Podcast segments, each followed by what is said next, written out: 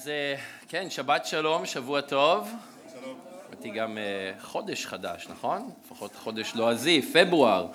ראיתם מה זה? ממצמצים פעמיים, והנה הגענו כבר לתחילת אה, פברואר. אז יופי, טוב להיות שוב ביחד. אנחנו השבוע ממשיכים עם הסדרה שלנו על הבשורה של מרקוס. אמ, אלה מכם שבאים מדי שבוע, אז אתם בטח אה, עוקבים, אלה מכם שאולי מבקרים, אז אנחנו לומדים השנה ביחד את הבשורה של מרקוס. אמ, אנחנו אה, השבוע בעצם נסיים את פרק א', אנחנו נהיה בפסוקים 35 עד 45, אה, שזה סוף פרק א', אז אתם יכולים כבר לדפדף, לגלגל, לפתוח לשם, ואנחנו כבר נקרא את הפסוקים ביחד. אם אתם זוכרים, ממש בתחילת הסדרה פתחנו ביחד עם התזה של מרקוס, עם ההנחת יסוד שלו, שישוע הוא המשיח בין אלוהים חיים, כמו ששרנו עכשיו, אמן, שהוא המשיח. אחרי זה גם אה, דיברנו על, על תחילת השירות שלו ועל איך שבעצם לפני שישוע יצא ועשה מעשה כלשהו, קודם כל הוא התחיל והוא הכריז את מלכות אה, אלוהים. והוא בעצם קרא, אנחנו אה, קרא עם א' בפסוק 15, שמלאה העת וקרבה מלכות אל, אלוהים, שובו בתשובה והאמינו בבשורה. זה מה שהוא יצא, זה מה שהוא הכריז, וזה מה שהוא אמר בתחילת אה, השירות שלו. ומשם מרקוס כותב לנו על הבחירה של ארבעת התלמידים, ודיברנו על זה קצת. ארבעת התלמידים מתוך ה-12 שנקראו לעזוב וללכת אחרי ישוע. הם לא בדיוק התלמידים הטיפוסיים שרב היה לוקח לעצמו בתקופה ההיא, זה, זה טיפוסים קצת אה, משונים אולי, אבל למדנו שישוע הוא לא רב כמו כל שאר הרבנים, והוא לא מסתכל על הבחוץ, אלא שהוא מסתכל על הבפנים, והוא לא בחר את התלמידים לפי המראה החיצוני שלהם, אלא הוא בחר אותם לפי מה שהוא ראה קורה בפנים ולפי התוכנית של אלוהים. וישוע הוא לא רק לא רב כמו כל הרבנים, אלא הוא גם לא מורה כמו כל שאר המורים. ואם אתם זוכרים, בשבוע שעבר דיברנו על, על איך שישוע לא לימד כמו שאר הסופרים וכמו שאר החכמים וכמו שאר בעלי התורה, אלא שהוא לימד אותם כבעל סמכות. ולא רק שהוא לימד אותם עם סמכות, אלא שהוא גם היה זה שגירש שדים, הוא היה זה שריפא אנשים, והוא עשה ניסים ונפלאות, דברים שפשוט לא נראו אה, קודם לכן. ואנחנו אה, בעצם נכנסים לקטע היום אחרי שבת, יום שבת מאוד מאוד עמוס בחייו של ישוע. הוא עשה המון באותו יום שבת, הוא התחיל את הבוקר ב... אה, בטח מאוד מוקדם הוא התעורר ואז הוא, הוא התחיל את השעות הראשונות של הבוקר, הוא בילה בבית כנסת בכפר נחום בהכרזת הבשורה כמו שהוא יצא ועשה בכל מקום. אחרי זה הוא גירש רוח טמאה שהפריעה לו באמצע דרך בן אדם. אחרי זה אנחנו אה, קראנו על איך שהוא חזר לביתו של קיפה אה, וריפא את חמתו שהיה לה אה, חום. יש בדיחה על זה, אני לא אספר לכם עכשיו, אבל מי שמכיר, מכיר. הוא ריפא את חמתו של אה, קיפה, היא קמה מה, מהמיטה, החום עזב אותה והיא שירתה אותם, ככה אנחנו אה, קוראים, ואז בגלל המעשים האלה בעצם השמועה אודות ישוע יוצאת לכל הכפר, לכל כפר נחום, אה, לא מקום קטן אבל גם לא מקום גדול, אולי כמה עשרות או כן, כמה עשרות של בתים ו, וסביר להניח שגם כן לכפרים שהיו ליד, לטבחה ומגדל וגינוסר ומקומות אחרים שהיו ממש שם באותו אה, אזור, בציידה, קורזין, שממש אה, מרחק הליכה מכפר נחום, ובצאת השבת, כשאנשים כבר יכולים ללכת מרחקים יותר ארוכים, המון המון רב בא לישוע בכפר נחום, והוא בעצם מבלה את כל הערב וסביר להניח שאפילו עד השעות הקטנות של הלילה בגירוש שדים, ברפואה, בשירות של העם וממש ב- בלברך אותם ולתת אמ, אה, להם מעצמו. אז זה בעצם הרקע אה, בקצרה של כל מה שלמדנו עד עכשיו. אז אתם יכולים לפנות איתי למרקוס פרק א' פסוק 35 ואנחנו נקרא את הקטע שלנו להיום. המיקרופון בסדר? שומעים? כן? אוקיי. רק מוודא.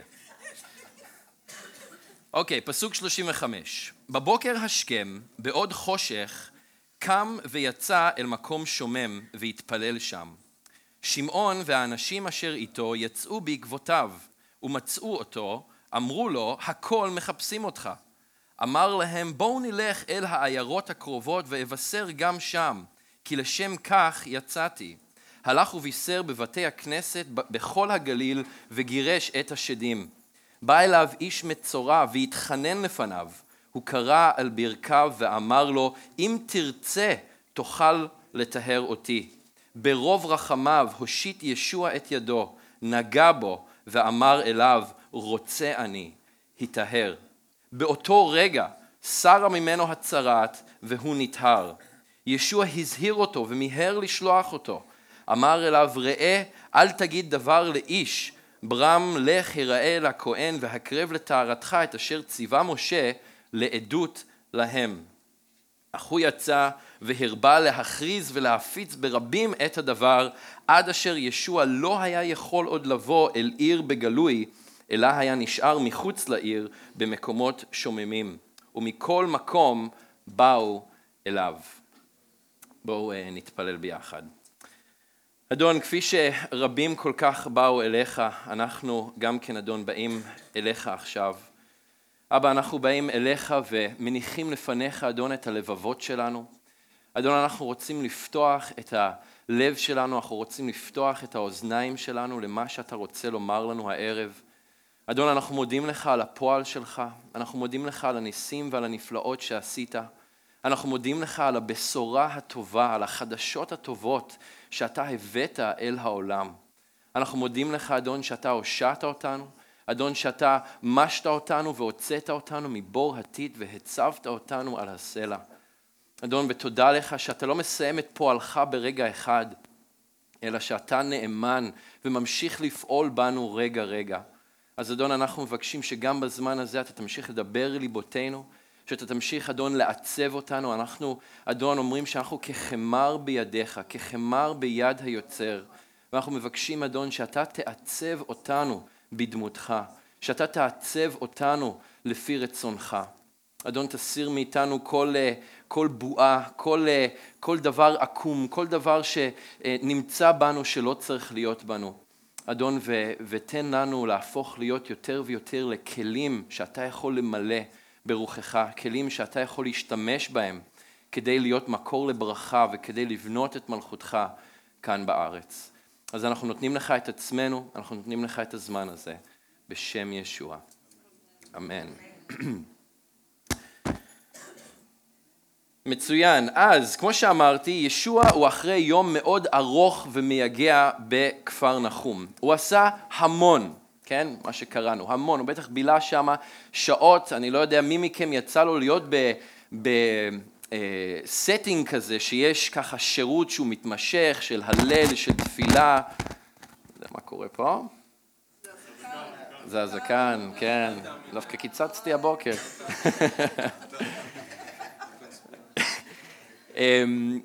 הסטינג הזה שבו אה, באמת יש שירות שהוא ארוך ומתמשך הוא, הוא, הוא דורש המון, זה מאוד מאוד מעייף גם מבחינה מנטלית, גם מבחינה פיזית אה, וגם מבחינה רוחנית. וישוע מסיים את היום הזה, אני סבור, מאוד מאוד עייף ותשוש מבחינה פיזית. כולם הולכים לישון, אי אפשר לדעת בדיוק מתי זה היה, אה, אבל סביר להניח שיותר מאוחר בערב או בשעות, בשעות הקטנות של הלילה. ולעשות למען אלוהים זה מצוין, במיוחד כשזה לפי התוכנית שלו ולפי הרצון שלו, אבל בשום פנים ואופן זה לא מהווה תחליף להתחברות ולהתייחדות ביחד איתו. ואנחנו קוראים בפסוק 35, כמו שאמרתי, שהוא קם מאוד מאוד מוקדם בבוקר. סביר להניח שהוא לא ישן המון, אמ, השמש הייתה כבר עולה באזור חמש בבוקר, כן, כמו שאנחנו רואים פה בארץ באזור חמש בבוקר, אנשים בתקופה ההיא בכלל, זה לא כמו היום שככה אתם יודעים, ביום ראשון בבוקר או ביום שבת אפשר לישון עד שמונה או תשע בבוקר. הצורת חיים אז הייתה מאוד שונה, אנשים, שונה, אנשים קמים עם, עם uh, הנץ החמה, עם זריחת השמש, הולכים לישון לא מאוחר מדי בלילה, בעצם אין מה לעשות אחרי שהשמש uh, שוקעת, אין טעם להישאר ערים עד עשר, אחד עשרה בלילה, אין לאן ללכת, בטח שלא בגליל, איפה שהכל uh, חושך וכפרים קטנים, כן? עדיין קצת ככה היום, אין יותר מדי לאן ללכת, בלי להעליב אם יש פה אנשים שגרים בגליל. אמ, אבל הוא קם מאוד מאוד מוקדם בבוקר, באזור 4-5 בבוקר כשעוד היה חושך, לפני שכל שאר האנשים קמים. אמ, זה גם, צריך לשים את עצמנו בתוך הסטינג, הבתים של אז, זה לא כל אחד יש לו חדר משלו, מדובר על בתים יחסית קטנים, כולם ישנים באותו אזור בבית, ביום, בבוקר מתעוררים, מזיזים את כל. אי אפשר לקרוא להם מזרונים, זה, זה חצץ כאלה שהיו ישנים עליו, מזיזים את הכל הצידה ובמהלך היום זה בעצם האזור מגורים.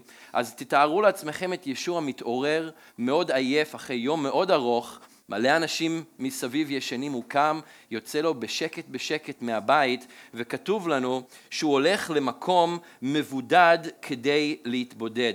זה מעניין שהמילה שמרקוס משתמש בו פה למקום מבודד זה בדיוק אותה מילה שהוא משתמש בה למדבר בתחילת הפרק כשישוע הוצא למדבר לניסיון, זו אותה מילה. עכשיו בגליל כמובן שאין מדבר כמו הנגב עם, עם סלעים ו, וככה הכל אה, מת ו, ואין שם אה, ירוק, אבל הוא מתכוון למקום שהוא שומם, מקום שאין בו עוד אנשים. ומה בדיוק הוא עושה שם? מה המטרה שלו בלצאת? הוא יוצא כדי להתפלל, הוא יוצא כדי להתחבר ולהתייחד עם האב. יש פה עוד אנשי בוקר? אני יודע שלואן אשת בוקר, הנה רונית גם, אני יודע שסלאבה קם די מוקדם, הנה יונתן קליין ואחרים אני רואה פה. אני לא איש בוקר עד כדי כך, אבל יש משהו כל כך כל כך מיוחד בשעות האלה של הבוקר.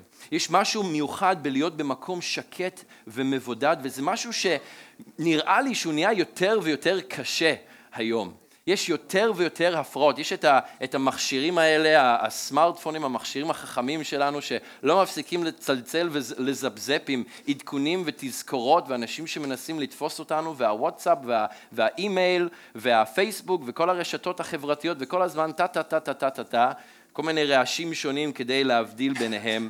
כמובן שיש לנו בני זוג, יש לנו אה, בני או בנות זוג, יש לנו אה, אה, ילדים, יש לנו לפעמים אה, חברים, משפחה, עמיתים לעבודה, אה, שותפים לדירה, אה, מי שזה לא יהיה, אנשים שדורשים מאיתנו, אנשים שנמצאים שם מסביבנו, שזה טוב וזה מעולה שיש לנו אנשים שסובבים אותנו, במיוחד אנשים שאוהבים אותנו, אבל אה, זה, זה זה לא מאפשר לנו, מה שזה מונע, זה מונע מאיתנו את היכולת להתבודד, את היכולת אה, לקחת את הזמן הזה כדי להתמקד באדון.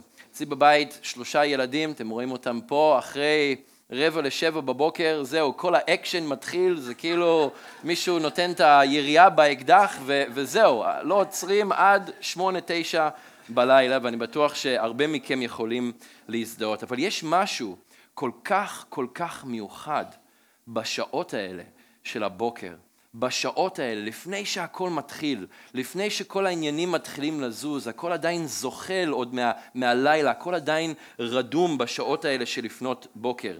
ואנחנו רואים את זה בדבר אלוהים בכמה מקומות. אגב, זה השקף היחיד שיהיה לכם במצגת היום, אז אה, אל תצפו ליותר מזה, תצטרכו לעקוב אה, ביחד איתי. בתהילים פרק ה' פסוק שלוש רשום אדוני בוקר תשמע קולי בוקר אערוך לך ואצפה. בבוקר אתה תשמע את הקול שלי. בבוקר אני אכין את עצמי אליך ואני אצפה גם כן לך. בתהילים ס"ג פסוק שתיים רשום אלוהים אלי אתה אשחרק אני אקום ואני אפגוש אותך עם השחר צמאה לך נפשי, קמה לך בשרי, בארץ צייה ועייף, בלי מים. אמ, יש לנו גם כן במזמור אה, אה, קי"ט 119, אה, אה, קדמתי, קידמתי בנשף, כלומר קידמתי את הבוקר, באתי לפני הבוקר ואשבע לדברך ייחלתי, עוד פעם, להמתין לפני שהבוקר מתחיל. בישעיה פרק אה, כ"ו פסוק תשע, גם הוא הנביא הכיר מה זה לקום בבוקר, הוא כותב נפשי הביתיך בלילה, אף רוחי בקרבי אשחרק עוד פעם, לקום בבוקר מוקדם, כי כאשר משפטיך לארץ, צדק למדו יושבי תבל. אז אנחנו רואים את הנושא הזה חוזר שוב ושוב לאורך הכתובים. והמטרה של ישוע בלצאת הייתה, כמו שאמרתי, להתפלל, ובתוך הזמן הזה של התפילה זה היה להתייחד עם אלוהים. עכשיו, יש את הנושא הזה, או את המושג הזה של התאחדות, ואז גם יש נושא של התייחדות. אוקיי? זה שני דברים שהם שונים.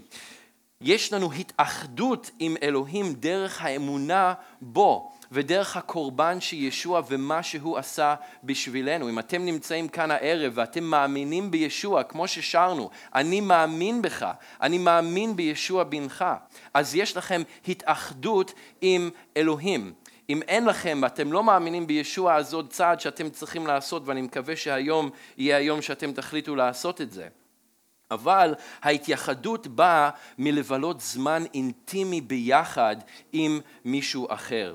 דוגמה קלאסית זה זוג נשוי. כשזוג נשוי בא ביחד בברית נישואין, הם מתאחדים ביחד, הם הופכים להיות אחד. אבל איך קורית ההתייחדות ביני, ביניהם?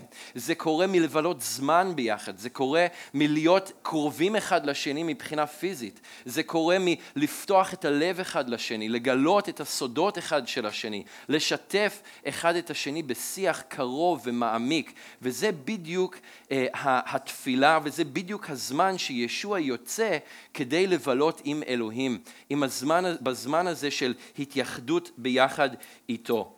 וישוע אנחנו רואים הרבה והתמיד להתפלל ולהתבודד אמ, ולדבר עם אביו שבשמיים, במיוחד בזמנים קשים. אנחנו רואים את זה כאן בפרק א', פסוק 35, אחרי יום מאוד עייף, ארוך ומעייף ומייגע. אנחנו רואים את זה שוב בבשורה של מרקוס בפרק ו', פסוק 46, מיד אחרי שישוע מאכיל את חמשת האלפים, והוא כמובן צריך להתמודד שם עם הרבה מהחוסר אמונה של התלמידים ו- וכל מה שקרה שם עם ההאכלה של החמשת אלפים, הוא שולח אה, את העם, הוא שולח את התלמידים, ואז הוא מבלה בעצם את כל הלילה כמעט בתפילה ביחד עם אה, האב. אחרי זה אנחנו רואים גם כן בפרק אמ, י"ד פסוק 32 בגת שמנים שהוא אה, נבגד והוא נמסר למשפט ובסופו של דבר לצליבה. המועקה שהוא חש והקושי שהוא נכנס אליו מבחינה נפשית ומבחינה אה, פיזית ורוחנית ומה הוא עושה, הוא מבלה את הזמן שם, את השעות האחרונות שלו בתפילה לאלוהים. וזה לא היה רק אה, בבוקר, שוב פעם, הזמנים, הזמנים האלה חלקם לא היו בבוקר, ישוע התמיד בתפילה כל הזמן, הוא מתפלל לפני שהוא נטבל בלוקאס פרק 3 פסוק 21, הוא מתפלל לפני שהוא יוצא לניסיון במדבר ואין ספק שהוא מתפלל כל הזמן בזמן שהוא במדבר תוך כדי הניסיון. הוא מתפלל כל הלילה, אנחנו קוראים בלוקאס פרק ו' פסוק 12, לפני שהוא קורא לתלמידים. בלילה לפני שהוא קורא לתלמידים, את כל הלילה הוא מבלה בתפילה. בהר ההשתנות בלוקאס פרק ט' 18 הוא מתפלל, בתחייה של אלעזר הוא מתפלל, אחרי הסעודה האחרונה לפני שהוא יוצא להר הזיתים ואז נכנס לגת שמנים הוא מתפלל, הוא מתפלל עבור התלמידים וכמובן גם כשהוא היה תלוי על הצלב מה הוא עושה? גם שם הוא מתפלל וזועק לאלוהים. אז אם ישוע בן אלוהים זה שעל פניו לא נראה שממש היה צריך להתפלל כי הוא אלוהים בעצמו והייתה לו את האחדות הזאת עם האב בצורה מושלמת, אם הוא כל הזמן היה מתפלל והיה מתמיד לצאת ולהתבודד ולבלות זמן בהתייחדות עם האב, אז מה זה אומר עלינו? כמה אנחנו צריכים לעשות את זה עוד יותר מזה? באפסים אה, פרק ו' פסוק 19 אה, זה מיד אחרי התיאור של המלחמה הרוחנית שאנחנו שרועים בה, כן, אנחנו לא נלחמים נגד בשר ודם, אלא נגד אה, אה, אה, ממשלות העולם הזה, משלי חשכת העולם הזה. אה, ואנחנו קוראים על מלוא נשק האלוהים שאנחנו צריכים ללבוש. אז כתוב בפסוק 19, בכל תפילה ותחינה התפללו תמיד ברוח, שקדו בתפילתכם והתמידו בתחינה בעד כל הקדושים. למה? כי תפילה זה הבסיס לכל דבר, תפילה זה הבסיס לחיים הרוחניים שלנו כתלמידי המשיח. כל דבר שאנחנו עושים, הבסיס שלו אמור להיות התפילה וההתייחדות עם אלוהים. עכשיו זה מעניין לראות שככל שהשם של ישוע יוצא בקרב העם ונהיה יותר ויותר מוכר וככל שיותר אנשים באים אליו ויש לו, יותר דרישות ממנו, כן, כי הוא צריך לשרת יותר את העם, אז ככה הוא גם מרבה להתפלל. אנחנו רואים בלוקאס פרק ה' פסוקים 15 ו-16 זה בעצם הסיפור המקביל למה שקראנו ומה שאנחנו לומדים היום הסיפור של המצורע. אז מיד אה, בסוף הסיפור הזה אה, כתוב ככה אולם השמועה אודותיו הלכה והתפשטה והמונים רבים נקבצו לש, אה, לשמוע ולהירפא מתחלואיהם. אך הוא היה פורש אל מקומות שוממים ומתפלל. ובעצם ביוונית כתוב שהוא היה מרבה עוד יותר, כלומר ככל שהיו באים ודורשים ממנו יותר, אז ככה הוא גם היה מרבה להתבודד, כך הוא היה מרבה גם לפרוש למקומות שוממים ולהתפלל ולהתייחד אה, עם האב. אנחנו רואים שהשמועה מתחילה לצאת אודות הישוע, השירות של ישוע, אודותיו, אודות מי הוא ומה הוא עושה. אמ, בפרק ו', פסוק 33 בבשורה של מרקוס, כתוב שההמונים כבר חיכו לו איפה שהוא התכוון ללכת, הם, הם כנראה כבר חישבו פחות או יותר את, ה, את האזימות טווח שלו, אמרו טוב הוא כנראה בדרך לכפר ההוא, אנחנו כבר נלך ונקדים אותו, הם היו רצים ברגל והוא היה מגיע לשם והם כבר היו מחכים לו על הקרקע. קצת אחרי זה בפרק ז' פסוק 24 ישוע והתלמידים הם עולים לאזור צור וצידון ולמרות שישוע לא רצה שהם ידעו שהוא מגיע, הוא לא יכל למנוע מהשמועה על הגעתו מלצאת, והוא בעצם לא יכול להתחבא יותר, והוא לא מצ... קשה לו למצוא את הזמן להתבודד, אבל בכל זאת הוא כן מתעקש והוא מוצא את הזמנים האלה לסגת מהעם, לסגת מהתלמידים שלו אפילו גם, ולהתבודד ולהתייחד עם אלוהים. עכשיו כשחשבתי על זה, חשבתי אם זה, זה מעניין אה, אם, אם ישוע באמת היה, הייתה לו אופי כזה של מישהו יותר מוחצן או מישהו שהוא יותר אה, מופנם. אנשים יותר מופנמים הם בדרך כלל אנשים שצריכים ככה את השקט בשביל אה, אה, לאגור בחזרה את האנרגיות שלהם או את, את הכוח שלהם. ו- וזה מה שאנחנו רואים עם ישוע, אני לא בטוח שהוא היה ככה, אבל, אבל נראה, הוא, הוא כל הזמן מושך אחורה, הוא כל הזמן לוקח צעד אחורה מכל השירות ומכל ההמולה ומכל האנשים ומכל מה שקורה כדי להיות בשקט.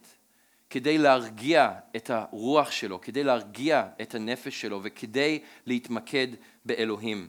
את הכוח ואת המיקוד שלו הוא מוצא בשקט ובהתייחדות עם האב. זמן איכות עם אלוהים בתפילה ובדבר שלו זה כל כך חיוני ליכולת שלנו לשרת אותו ולהיות ממוקדים במטרה שלו עבורנו. להיות איתו זה בעצם מה, שמאפ... זה מה שמאפשר לנו לעשות למענו, לא להפך.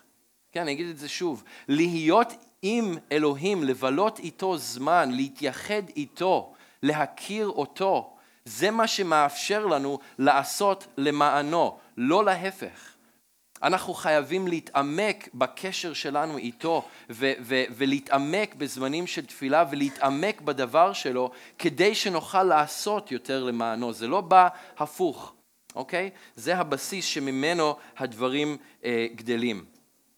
אם אנחנו לא נבסס את עצמנו בהתייחדות ובהתחברות איתו, אנחנו בסופו של דבר נמצא את עצמנו עושים את הרצון שלנו, בכוח שלנו ולמען הרצון ולמען הכבוד שלנו, במקום לעשות את הרצון שלו בכוח שלו ולמען הכבוד שלו. Okay? אם אנחנו לא נעשה את, את הכל מתוך הבסיס של התעמקות איתו, אנחנו בסוף נמצא את עצמנו עושים את הרצון שלנו, בכוח שלנו ולמען הכבוד של עצמנו, במקום לעשות את הרצון שלו, בכוח שלו ולמען הכבוד שלו. זה בדיוק מה שהיה יכול לקרות פה בפסוקים 36 ו-37. שמעון והאחרים, יכול להיות שזה חלקם זה התלמידים או פשוט אנשים אחרים שהיו בסביבה, הם לא הבינו את האסטרטגיה של ישוע של לפרוש, של לקחת אתנחתא, כדי לקחת הפסקה, של לקחת צעד אחורה, כדי להתפלל וכדי להתקרב לאלוהים, כשיש המולה ויש קהל גדול של אנשים שמחכים ושבאים במיוחד כדי שתפעל בקרבם. הם לא הבינו את זה. עכשיו על פניו נראה ששמעון ואחרים מחפשים את ישוע למען מטרה טובה, הם באים מחפשים אותו ואומרים הכל מחפשים אותך, עכשיו זה נראה כאילו הם באו למטרה טובה, אבל הסתכלות קצת יותר קרובה על, ה, על המלל ביוונית מעלה תמונה אחרת. המילה הזו של לחפש זה תאו ביוונית, הכוונה זה לצוד, אוקיי? הם לא חיפשו אותו, הם צדו אותו, אוקיי? ואותה מילה, כשמרקוס משתמש בזה בהקשרים אחרים וגם במקומות אחרים בברית החדשה, זה, זה, זה תמיד בא בהקשר שלילי. כשכתוב שהפרושים והצדוגים חיפשו את ישוע כדי להמית אותו, זו אותה מילה. כלומר זה לחפש עם כוונה לא טובה. התלמידים כנראה היו במקום שהם לא מבינים, ישוע, מה נסגר איתך? אנחנו מחפשים אותך כבר שעות אולי, חצי שעה, שעה, שעתיים מחפשים אותך. מה נסגר איתך? מה, אתה לא יודע שבאו מכל האזור מסביב ומחכים שאתה תבוא ותרפא ותגרש שדים? אנשים מחכים לך. אתה לא אולי קצת אה, חצוף, ככה נמצא פה לבד? הם לא מבינים מה הוא עושה. בכפר נחום, כנראה, אפילו בתוך הזמן הקצר הזה, התחילו לאבד את המיקוד ממה שישוע בא להכריז ולומר שקרבה מלכות אלוהים, שצריך לשוב בתשובה ולהאמין בבשורה, והמיקוד התחיל לעבור למעשים של ישוע, ומה הוא יכל לעשות עבורם כדי לרפא אותם מבחינה פיזית. אנשים באים מכל האזור, השמועה יצאה, מוצאי שבת, יום ראשון בבוקר, אנשים כבר על הרגליים, באים לכפר נחום, יש פה מישהו שיכול לרפא אתכם, יש פה מישהו שיכול לגרש את כל השדים ואת כל הרוחות הרעות. השמועה פחות יוצאת, המשיח נמצא, בואו תשמעו מה יש לו לומר. השמועה יוצאת, בואו ותכירו את הבן אדם שיכול לעשות למענכם. וזו לא הייתה הסיבה העיקרית שלשמה ישוע הגיע. זו סכנה שנראית בבירור גם כן בקהילות ברחבי העולם היום, ומאוד מאוד קל ליפול ולהיכנס לתוך מקום כזה, שהמיקוד עובר מהמסר של ישוע, שזה חזרה בתשובה, שזה חיי קדושה, שזה בניית מלכות אלוהים, מלשמוע בקול שלו וללכת אחריו, המיקוד מהר מאוד יכול לעבור למעשי הניסים, ובעצם בכך שישוע הופך לסוג של קמע שדרכו אני משיג את מה שאני רוצה. אז זה פחות מה אני יכול לעשות למענו, אלא יותר מה הוא יכול לעשות למעני. וזו לא הגישה שאנחנו אמורים לבוא אל ישוע. אנחנו אמורים לבוא ולשאול, ישוע, מה אנחנו יכולים לעשות למענך? לא מה אתה יכול לעשות למעני. עכשיו זה לא אומר שהוא לא עושה למעננו, אבל המיקוד מהר מאוד יכול לעבור מזה לזה. דוגמה קלאסית זה שבעת בני אה, אה, סקבה, שאנחנו קוראים עליהם במעשה השליחים פרק י"ט, פסוקים 13 עד 16, כתוב אה, שהיו שם כמה יהודים משוטטים שעסקו בגירוש שדים, והם ניסו לבטא את שם האדון ישוע על אחוזי רוחות רעות באומרם אני משביע אתכן בישוע אשר שאול מכריז עליו. העושים זאת היו שבעת בניו של סקבה, כהן גדול יהודי. אני בטוח שהם לא עשו את זה גם אה, בחינם, אה, כנראה שהייתה איזו תרומה שהייתה מעורבת בזה, איזו מעטפה שבאה ככה מהצד, והם באים ומנסים לנכס לעצמם את השם של ישוע כדי לגרש רוחות טמאות מאנשים. והרוח משיבה ואומרת להם, את ישוע אני מכירה ומיהו שאול אני יודעת, אך מי אתם? והתנפל עליהם האיש בעל הרוח הרעה ובחוזקה רבה גבר עליהם עד כי ברחו מן הבית ההוא ערומים ופצועים. ואנחנו רואים את זה המון היום בתרבות שלנו בשם הצדיק הזה ובשם הצדיקה הזו ובשם הרב הזה ומנסים לנכס כל מיני שמות כדי להשיג כל מיני דברים למען עצמם מזל, פרנסה, זיווג, כל מיני דברים כאלה. בתקופה של ישוע זה לא היה מאוד שונה. והיום גם כן, אפילו בתוך העולם המשיחי, זה גם כן לא מאוד שונה הרבה פעמים. פתאום המיקוד עובר ממה אני יכול לעשות למען ישוע, למה הוא יכול לעשות למעני. במקום לדרוש את הפנים שלו, אנחנו דורשים את הידיים שלו, מה הוא יכול לעשות למעננו. וישוע הוא לא קמע. האותות והמופתים שהוא עשה נועדו להעיד על הדבר שהוא בא להכריז. זו הייתה המשימה העיקרית שלו, לבוא ולהכריז את מלכות האלוהים. זה מעניין שדווקא בפסוק האחרון של הבשורה של מרקוס, שכמו שאמרנו בהתחלה זו בשורה שמתמקדת יותר על, המעש, על המעשים של ישוע, על מה שהוא עשה, ופחות על הפרטים של הלימוד שלו, בפרק אה, ט"ז, בפסוק 20, ממש בפסוק האחרון של הבשורה, כתוב, הם יצאו, הם התלמידים יצאו והכריזו את הבשורה בכל מקום, והאדון פעל עמהם ואישר את הדבר באותות שנלוו אליהם. התלמידים פה, המיקוד שלהם היה קצת במקום אחר. ישוע, בוא תחזור לכפר נחום ותמשיך לעשות את כל המעשים שעשית אתמול. בסוף הבשורה המיקוד שלהם הוא כבר במקום הנכון. הם יוצאים וממשיכים את המשימה של ישוע שהיה לבוא ולהכריז את הבשורה. וכשהם התמקדו בהכרזת הבשורה, אז התלוו אליהם האותות והמופתים שאישרו את הדבר שהוכרז. לכן גם ישוע אומר בפסוק 38 ת, תסתכלו על הטקסט, הם באים ואומרים, כולם מחפשים אותך, לאן נעלמת? אז הוא לא עונה להם, טוב, אני אחזור לכפר נחום ואני אמשיך עם כל הדברים האלה, עם כל הניסים והנפלאות. הוא נותן להם תשובה אחרת לחלוטין. הוא אומר להם, אני חייב להמשיך הלאה. ומה לעשות? לבשר. אני חייב להמשיך ולבשר בכפרים הבאים, כי לשם כך יצאתי. כלומר, לשם כך אני באתי אל העולם כדי לבשר בכל מקום ומקום. זה מאוד בקלות, אנחנו יכולים לאבד את המיקוד על מה שישוע קורא אותנו לעשות. רואים את זה אצל הרבה מאוד אנשים, אני לא אומר את זה בצורה שופטנית, אבל הרבה פעמים אלוהים יכול לקרוא אותנו לדבר אחד, אבל אם אנחנו לא ממשיכים ומתמקדים בתפילה, ובהתייחדות עם אלוהים כדי לזכור את הפוקוס, את המיקוד של, של הדבר שאליו הוא קרא אותנו, מהר מאוד אנחנו יכולים להתפזר לכל מיני דברים אחרים, לכל מיני מקומות אחרים שהוא לא קרא אותנו אליהם. ישוע בא כדי להכריז את מלכות אלוהים, לתת רפואה וחיים רוחניים. הוא גם בא כדי לרפא אנשים, הוא גם בא כדי לגרש שדים ורוחות רעות, זה היה חלק מהשירות, אבל המטרה העיקרית שלשמה הוא הגיע היה כדי להכריז את הבשורה, ושעל ידי הבשורה ועל ידי קבלת הבשורה, האנשים ששומעים יוכלו לזכות בחיים רוחניים וברפואה רוחנית. אנחנו קוראים על זה בישעיה ס"א, פסוק אחד, רוח אדוני עליי יען משך אדוני אותי לבשר ענבים, שלחני לכבוש לנשברי לב, לקרוא לשבויים דרור ולאסורים פקח כוח. המטרה שלו לא הייתה מופע ריפואים וגירושי שדים.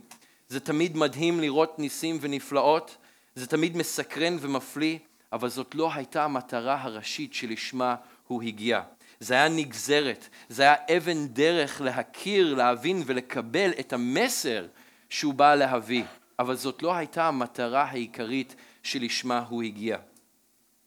ולכן תפילה כל כך חשובה, כי היא משאירה אותנו מעוגנים באלוהים, ברצון שלו, בכוח שלו, ולא ברצון שלנו ובכוח שלנו ובכבוד שלנו, בכבוד שלו. ובלי התפילה אנחנו יכולים מהר מאוד לאבד את המיקוד הזה על המסר של הבשורה ועל המטרה של אלוהים בשבילנו. אז ישוע ממשיך הלאה במשימה שלו, הוא לא, הוא לא מאבד את הפוקוס, הוא לא מאבד את המיקוד לחזור לכפר נחום, אלא אנחנו קוראים בפסוק 39 שהוא ממשיך הלאה בכל הגליל, הוא נכנס לבתי הכנסת, הוא ממשיך לגרש את השדים, הוא ממשיך לרפא אנשים, כי זה חלק או, או נגזרת ו, ומשהו שמלווה את המסר שהוא מכריז. ואנחנו קוראים שבזמן שהוא היה בגליל, הוא פוגש באיש מצורע שבא ומתחנן לפניו, אנא תרפא אותי. אנחנו קוראים בלוקאס, בבשורה של לוקאס, פרק ה', פסוק 12, אה, טיפה יותר פירוט לגבי זה. כתוב לא רק שהוא היה אה, נגוע בצרעת, אלא לוקאס אומר שהוא היה נגוע כולו בצרעת. הוא היה כולו מלא בצרעת. וכאשר ראה את ישוע נפל על פניו והתחנן לפניו. עכשיו, הצרעת, אלה מכם שמכירים יותר ופחות, הייתה מחלה מאוד מאוד קשה. היא הייתה חשוכת מרפא בימים ההם, לא היה לזה אה, תרופה שיכלו לתת. אה, אנשים בעצם היו מתמלאים בפצעים באזור הפנים, באף, באוזניים, בגבות, באצבעות, בגפיים, ברגליים. ובאור הפנים זה היה מאוד מאוד אה, לא נעים להסתכל על זה, מאוד לא נעים לראות את זה. בסופו של דבר המחלה הזו הובילה לאובדן של איברים בגוף. אנשים בעצם היו אה, מאבדים את האצבעות שלהם, את הידיים, את הרגליים, את האף, פה, שפתיים, אמ, אה, גבות, אוזניים, אמ, ממש היו הופכים להיות מאוד מאוד מעוותים מבחינה פיזית וגופני, עד כדי כך שממש היו אפילו מאבדים אה, כל צלם אנוש. אני לא יודע אם יצא לכם לראות תמונות של אנשים שחולים או היו חולים בצרעת, אבל זאת הייתה מחלה מאוד מאוד אה, קשה, במיוחד בימים ההם. ולא רק שהפגיעה הפיזית הייתה מאוד קשה בגוף של מי שהיה חולה, אלא גם הפגיעה הפסיכולוגית, הנפשית והחברתית היו אה, קשות ביותר.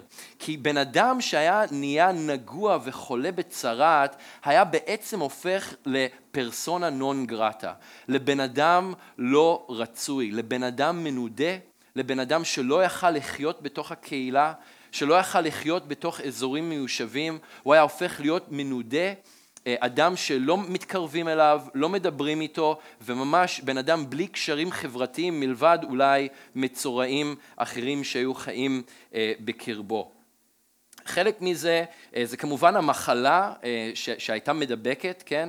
אמ, אבל, אבל גם אה, חלק מזה קשור למה שאלוהים אמר בנוגע לאנשים שחולים בצרה, ואנחנו קוראים על זה בספר ויקרא, בפרקים י"ג וי"ד, אה, וספציפית בפרק י"ג, פסוקים 45 ו-46, אה, אנחנו קוראים על מה היה קורה כשהיו מגלים שבן אדם היה חולה בצרת. הפסוקים הראשונים בפרק י"ג אה, בחוק הצרת מדברים על איך לגלות את הצרת, אבל השני פסוקים האלה מדברים על מה קורה כשמגלים שבן אדם חולה בצרת. אמ, וכמובן אמ, בקרב עם ישראל, עם ששמר את התורה והלך לפי הדרכים האלה, זה היה דרך החיים שלהם. אז אנחנו קוראים כאן שהצרוע אשר בו הנגע, בגדיו יהיו פרומים וראשו יהיה פרוע, ועל שפם, אה, אה, ועל שפם יעטה, וטמא טמא יקרא. כל ימי אשר הנגע בו יטמא, טמא הוא, בדד יישב מחוץ למחנה מושבו. אז היו פה כמה דברים שהיו קורים כשהיו מגלים שאדם חולה בצרת. דבר ראשון, לכל מקום שהבן אדם היה הולך, שהיו שם אנשים שלא היו נגועים בצרת, הוא היה חייב לקרוא לפניו, טמא, טמא. ככה הוא היה הולך ומסתובב וקורא טמא, טמא, כאילו אני חולה, אל תתקרבו אליי. עכשיו, אנחנו רואים את המבטים, לפעמים מישהו ככה נותן, אה, אה, מתעטש לידינו, או משתעל לידינו, או מקנח את האף, ואנחנו כזה מסתכלים ואולי קצת מתרחקים. נכון, אנחנו לא רוצים להידבק בווירוס שיש לו, או בצינון שיש לו. אז פה לא מדובר על וירוס או על צינון, פה מדובר על מחלה, שאם אתה חולה בה, בסופו של דבר אתה גם תמות ממנה. ובדרך מאוד מאוד לא נעימה. אז אנשים התרחקו מהם לגמרי, אבל הם בעצמם היו חייבים לקרוא, אני טמא. אני טמא, אל תתקרבו אליי. ואנחנו רואים אחרי זה גם בפסוק 46 שהוא צריך להיות בדד, הוא חייב לשבת מחוץ למחנה. הם לא היו יכולים לגור ולחיות ביחד עם שאר הקהילה, ביחד עם שאר העם, הם היו נמצאים מחוץ אה, למחנה, לרוב אה, במקומות מבודדים אה, ובתוך מין מושבות כאלה של מצורעים, לפעמים בתוך מערות ובתוך כל מיני אה, מקומות לא ממש אה, סימפטיים.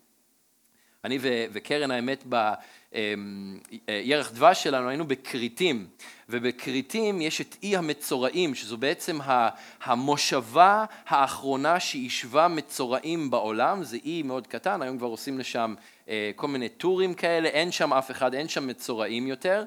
אמ, כבר התגלתה תרופה לצרעת אה, והיא מאוד זולה אז רוב האנשים נרפאים מזה. זה בעצם אה, סוג של בקטריה שגדלה על האור ובגלל זה זה נאכל. היום כבר מכירים את זה ויש תרופה לזה אבל אז אה, לא היה.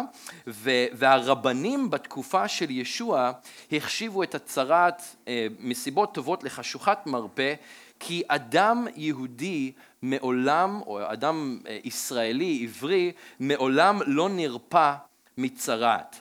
רק פעמיים בתנ"ך יש התייחסות לאנשים שהיו חולים בצרעת או היו נגועים בצרעת ואז גם נרפאו, אתם זוכרים מי הם היו? נעמן. זה השני והראשונה זו מרים אה, אחותה, אה, אחותו של אה, משה.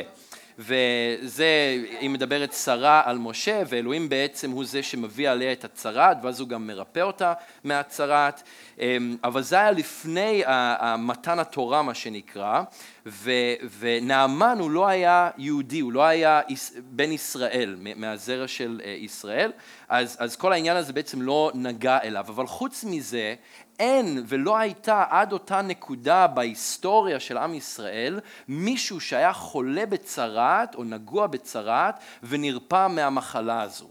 אז אמ, בעצם הרבנים של, של התקופה ההיא אמ, חשבו או החשיבו שיש שלושה דברים שעל המשיח לעשות, שלושה אותות שהמשיח היה צריך לעשות, דברים שמעולם לא נעשו קודם לכן. האחד, הראשון, זה בעצם לרפא אדם חולה בצרעת. כי יש את, ה, את החוקים האלה לגבי זה בתוך התורה, אבל מעולם הם לא יושמו, כי מעולם לא היה אדם שנרפא, כן, היו הרבה אנשים שהיו חולים ונידו אותם, אבל מעולם לא היה אדם שנרפא ואז חזר והיה צריך לעשות את מה שנקרא תכף. השני דברים האחרים, שני האותות האחרים שעל המשיח היה לעשות זה היה לגרש שד אילם וגם לרפא עיוור מלידה. ומי עשה את שלושת הדברים האלה? כמובן שישוע. אותו מצורע שאנחנו נתקלים בו ואנחנו שומעים עליו כאן, שימו לב שהוא היה משוכנע שישוע יכל לרפא אותו. הוא היה נועז והוא אמר לישוע, אם תרצה תוכל לטהר אותי. הוא הבין שזה לא עניין של יכולת אצל ישוע, זה עניין של רצון. האם אתה רוצה לרפא אותי? האם אתה מוכן להושיט את היד שלך? האם אתה בתור טהור מוכן להושיט את ידך, לגעת בי בתור טמא ולרפא אותי? האם אתה מוכן להשפיל את עצמך, לסכן את עצמך, לצאת נגד המוסכמות החברתיות והדתיות, להתקרב אליי ואפילו להפוך להיות טמא על ידי זה שאתה נוגע בי, כי מי שנוגע באדם מצורע הופך להיות טמא בעצמו, כדי שאני אוכל להיות טהור. ואנחנו קוראים בפסוקים 41 ו-42 שברוב רחמיו הושיט ישוע את ידו, נגע בו ואמר אליו רוצה אני, היטהר, ובאותו רגע שרה ממנו הצרת והוא נטהר. ישוע היה מלא ברחמים, והרחמים הם מה שהניעו את ישוע כל כך הרבה פעמים לפעול למען אחרים שהוא נתקל בהם. כמה דוגמאות בלוקאס פרק ז' אה, פסוקים 12 ו-13 יש את אם הילד שמת, הוא בעצם הולך ברחבי הגליל, הוא התקרב, התקרב כתוב, אל שער העיר, והנה מוציאים מת, אשר בן יחיד הוא לאמו האלמנה. אוקיי, הוא היה בן יחיד לאישה שגם איבדה את בעלה, וקהל רב מן העיר הולך עמה. כשראה אותה האדון, נחמרו רחמיו עליה, ואמר, אל תבכי. ואחרי זה הוא גם נוגע בבן, מקים אותו לתחייה ומחזיר אותו לאימו. במתי פרק כ' פסוקים 32 עד 34 שני העברים שזועקים בן דוד תציל אותנו רחם נא עלינו והקהל מנסה להשתיק אותם. ישוע בא אליהם ניגש אליהם שואל אותם מה אני יכול לעשות למענכם? השיבו לו אדון שתפקחנה עינינו. נתמלא ישוע רחמים ונגע בעיניהם מיד ראו ואז הם גם הלכו אחריו. גם במתי ט"ו פסוק 32, ישוע מאכיל את ארבעת האלפים, ישוע קורא לתלמידים ואמר אליהם, נחמרו רחמיי על העם, זה שלושה ימים הם נמצאים איתי ואין להם מה לאכול. אינני חפץ לשלח אותם רעבי, רעבים, פן יתעלפו בדרך. ישוע גם היה מאוד פרקטי, כן? הוא ראה את הדברים הקטנים גם כן. ונחמרו רחמיו על העם, אז הוא בא והוא גם כן מאכיל אותם באוכל אה, גשמי, באוכל פיזי. כשישוע מתמלא ברחמים הוא פועל. ואני מאמין שחלק כל כך גדול מהרחמים האלה שנבעו בקרבו, שהניעו אותו לעשות את המעשים האלה למען אחרים, אה, טמון בזה שהוא היה מחובר לאב. שהיה לו את הלב של האב, שהוא התייחד איתו, שהוא בילה איתו את הזמנים האלה, שהוא לקח צעד אחורה מההמונים כדי להתמקד מחדש, כדי להסתכל שוב על הרצון של האב, כדי גם לקבל את החמלה ואת הרחמים שלו. אני תמיד מעניין אותי ככה מה התחושות שהיו עוברות אצל ישוע כשהוא היה נתקל בכל מיני אנשים, כי היו כאלה שאנחנו רואים שהוא קצת מתעצבן עליהם, כן? והוא קצת כועס עליהם, אפילו פה עם המצורע, אנחנו נראה את זה עוד שנייה. אבל היו אחרים שהוא התמלא ברחמים כלפיהם. ו- ו- ומה היה קורה ככה בתוכו, הפינג פונג הזה אולי קצת, בין, ה- בין התחושות האלה. אבל אני מאמין שהרבה מהיכולת שלו להתמקד ברצון של האב, לא ברגשות שאולי הוא חש בתור בר אנוש גם, אלא במיקוד של האב עבורו וברצון של האב עבורו, באו מתוך הזמנים האלה של, ה, של ההתייחדות ושל התפילה עם האב. ישוע הוא טהור, ובניגוד לחוקים המגובלים של אז, שמה שטהור ונוגע בטמא הופך להיות טמא בעצמו, ישוע הטהור נוגע בטמא, והטמא הופך להיות טהור. אותו מצב קורה עם אישה זבת הדם, היא גם כן הייתה טמאה כי היא הייתה זבת דם, והיא נוגעת בציצית שלו, היא נוגעת בכנף הבגד שלו, והיא נרפאת והיא הופכת להיות אה, טהורה, שוב פעם היא נרפאת. ואני מאמין שישוע, אני יודע שישוע עשה בדיוק את אותו הדבר בשביל כל אחד ואחת מכם. בין אם אתם מכירים בזה או לא, ישוע הושיט את היד שלו אליכם, והוא נגע בכם. אני יודע שהוא נגע בי. הוא היה, הוא טהור, ואני הייתי טמא. והוא הושיט את היד שלו, והוא נגע בי. ובזכות זה שהוא נגע בי, אני גם כן יכול להפוך, והפכתי להיות טהור בגללו ודרכו. בישעיה נ"ג פסוק 6 רשום כולנו כצאן טעינו איש לדרכו פנינו ואדוני הפגיע בו את עוון כולנו. כשישוע היה על הצלב אלוהים שם את הצרעת שלנו, את כל הצרעות שלנו, את כל הטומאה שלנו, הוא שם עליו כדי שאנחנו נוכל להיות טהורים במקומו. בשנייה לקורינתים פרק ה' פסוק 21 זה רשום שחור על גבי לבן. את זה אשר לא ידע חטאת עשה לחטאת בעדנו. זה שלא היה בו חטא, אלוהים הפך אותו לחטא. למה? כדי שאנו נלבש את הצדקה של אלוהים בו. זה היופי במעשה, במעשה הזה. המעשה של ישוע עם המצורע זה תמונה קטנה של מה שהוא עשה בשביל כל אחד ואחת מאיתנו. הוא הושיט את היד שלו אלינו, ובנגיעה אחת הוא הפך אותנו גם כן לטהורים. ואם אתם יושבים כאן הערב ואתם עוד לא ביקשתם והתחננתם לישוע שיושיט את ידו ויגע בכם, אז הערב זאת ההזדמנות שלכם לעשות את זה. בפסוק, בפסוקים 43 ו-44 ישוע מזהיר את המצורע לא לספר לאיש על מה שקרה. עכשיו, כתוב פה שהוא אה, הזהיר אותו לא לספר את זה ברבים. השפה כאן היא דווקא מאוד חזקה ביוונית. פה זה נשמע לנו כאילו, אה, הזהיר אותו, אל, אל תלך ותספר את זה ברבים. אבל המילה ביוונית זה שהוא ממש כמעט גער בו, הוא אפילו כמעט כעס עליו. אל תלך ותספר על זה לאף אחד. תלך לכהן, תראה את עצמך, תן את מה שמשה ציווה לטהרה אה, ותסיים עם זה ככה. הוא אסר עליו בצורה נחרצת וברורה ביותר. תחשבו על הפעם שההורים שלכם או איזה מישהו בסמכות עליכם נתן לכם פקודה מאוד מאוד ברורה ונחרצת, בטון מאוד ישיר ו- וככה חד.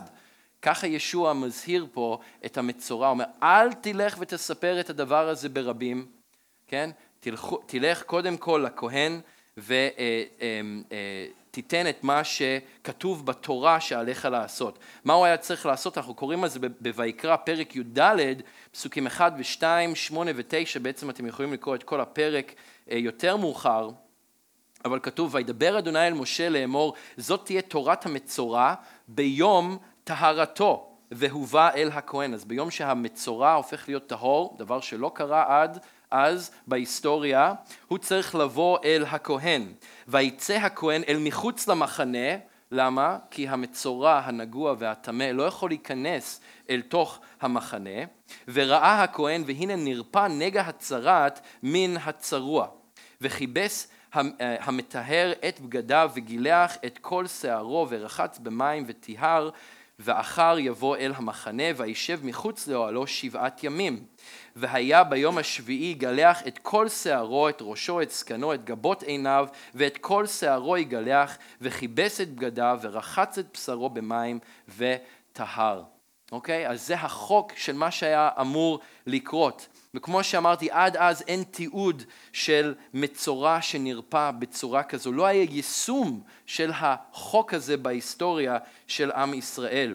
ולכן גם ישוע אומר לו, לך ותראה את עצמך לכהן, ולך תיתן את מה שכתוב לתת, ואתם יכולים לקרוא את כל שאר הפסוקים של מה לתת ואיך לתת וכמה לתת, וכל הפרטי פרטים שיש בפרק ההוא, כדי שזה יהיה מה?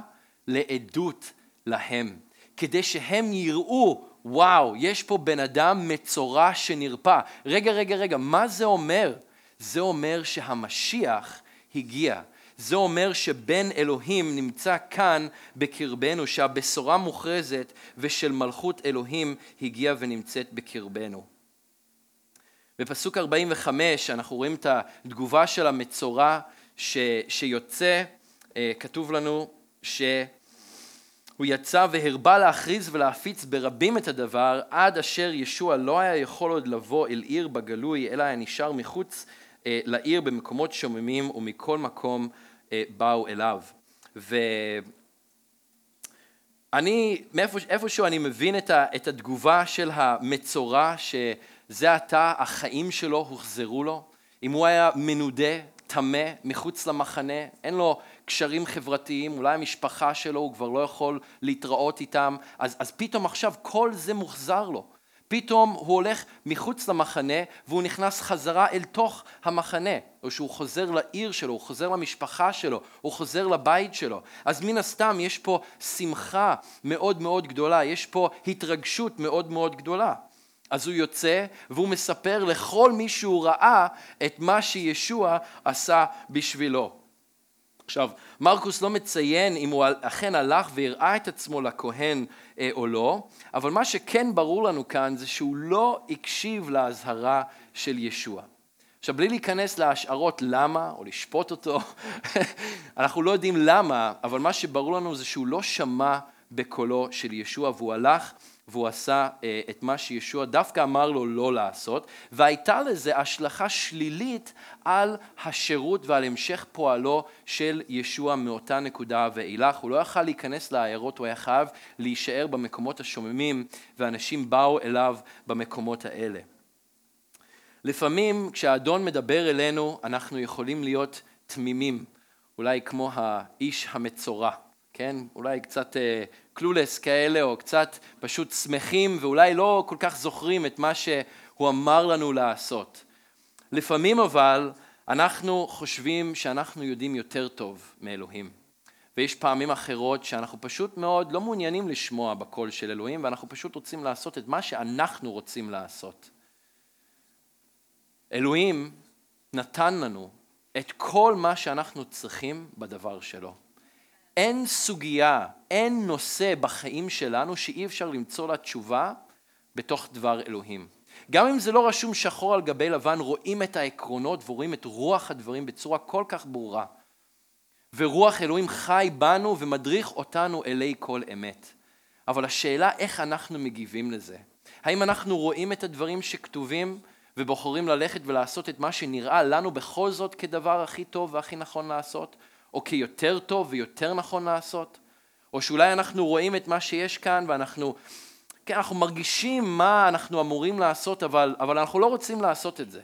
אז ישוע, אתה, אלוהים, תישאר בחוץ לקצת, אני, אני אלך בדרך שלי. או האם אנחנו לוקחים את דברי החיים האלה והולכים על פיהם ולא סוטים לא ימינה ולא שמאלה, אלא הולכים בדיוק לפי הדרך שהוא התווה אותנו. לפעמים זה קשה מאוד, לפעמים זה מאתגר, הרבה פעמים זה כל כך נוגד את מה שאנחנו חושבים וחולמים ורוצים ו- וחושבים שצריך לקרות או חושבים שהולך לקרות או רוצים שיקרה, אבל אנחנו חייבים להישאר נאמנים לדבר של האדון בחיים שלנו. אמן? אנחנו חייבים להישאר נאמנים למה שהוא אומר לנו בדברו וגם למה שהוא מנחה אותנו ומדריך אותנו.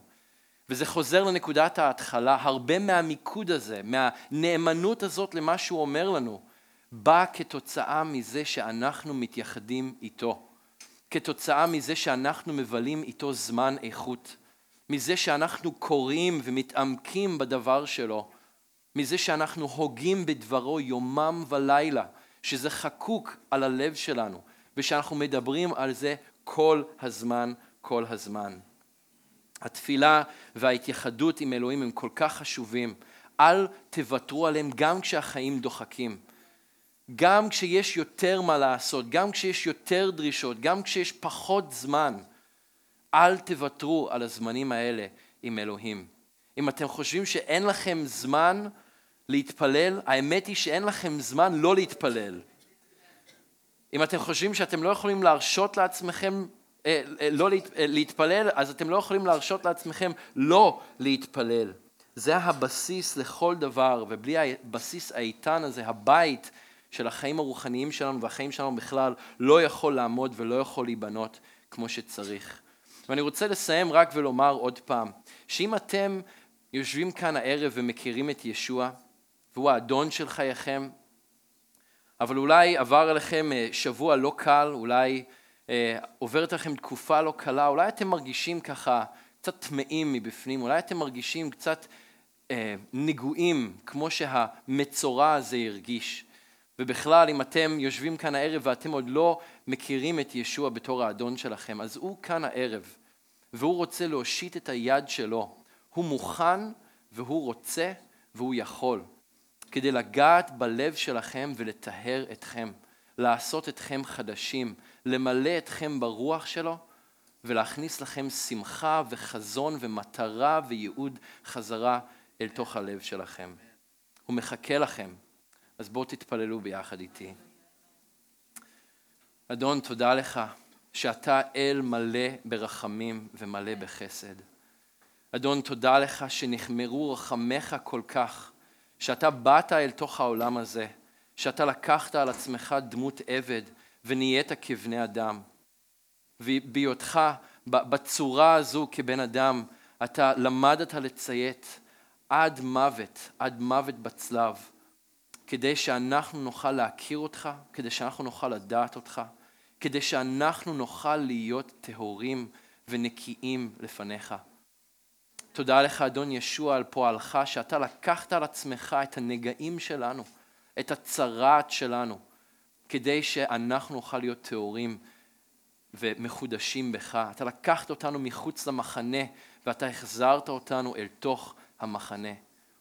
אדון, אנחנו רוצים את המיקוד שלך עבור החיים שלנו. אנחנו רוצים אותך בתוך חיינו. אז אדון, מקד אותנו, מקד אותנו אפילו עכשיו בזמן הזה, שאנחנו לוקחים את, את סעודת האדון, שאנחנו זוכרים את מה שאתה עשית עבורנו. תמקד אותנו חזרה בך, תייחד אותנו איתך. אדון, תיגע בכל מי שמרגיש עכשיו שהוא, אדון, רחוק ממך, שהוא מרגיש טמא או מטונף או מלוכלך מבפנים. אדון, תביא התחדשות, תביא רפואה, תביא ניקיון, אבא. תודה לך על הפועל שלך בקרבנו. אנחנו מפארים את השם שלך הערב. הללויה, בשם ישוע אנחנו מתפללים.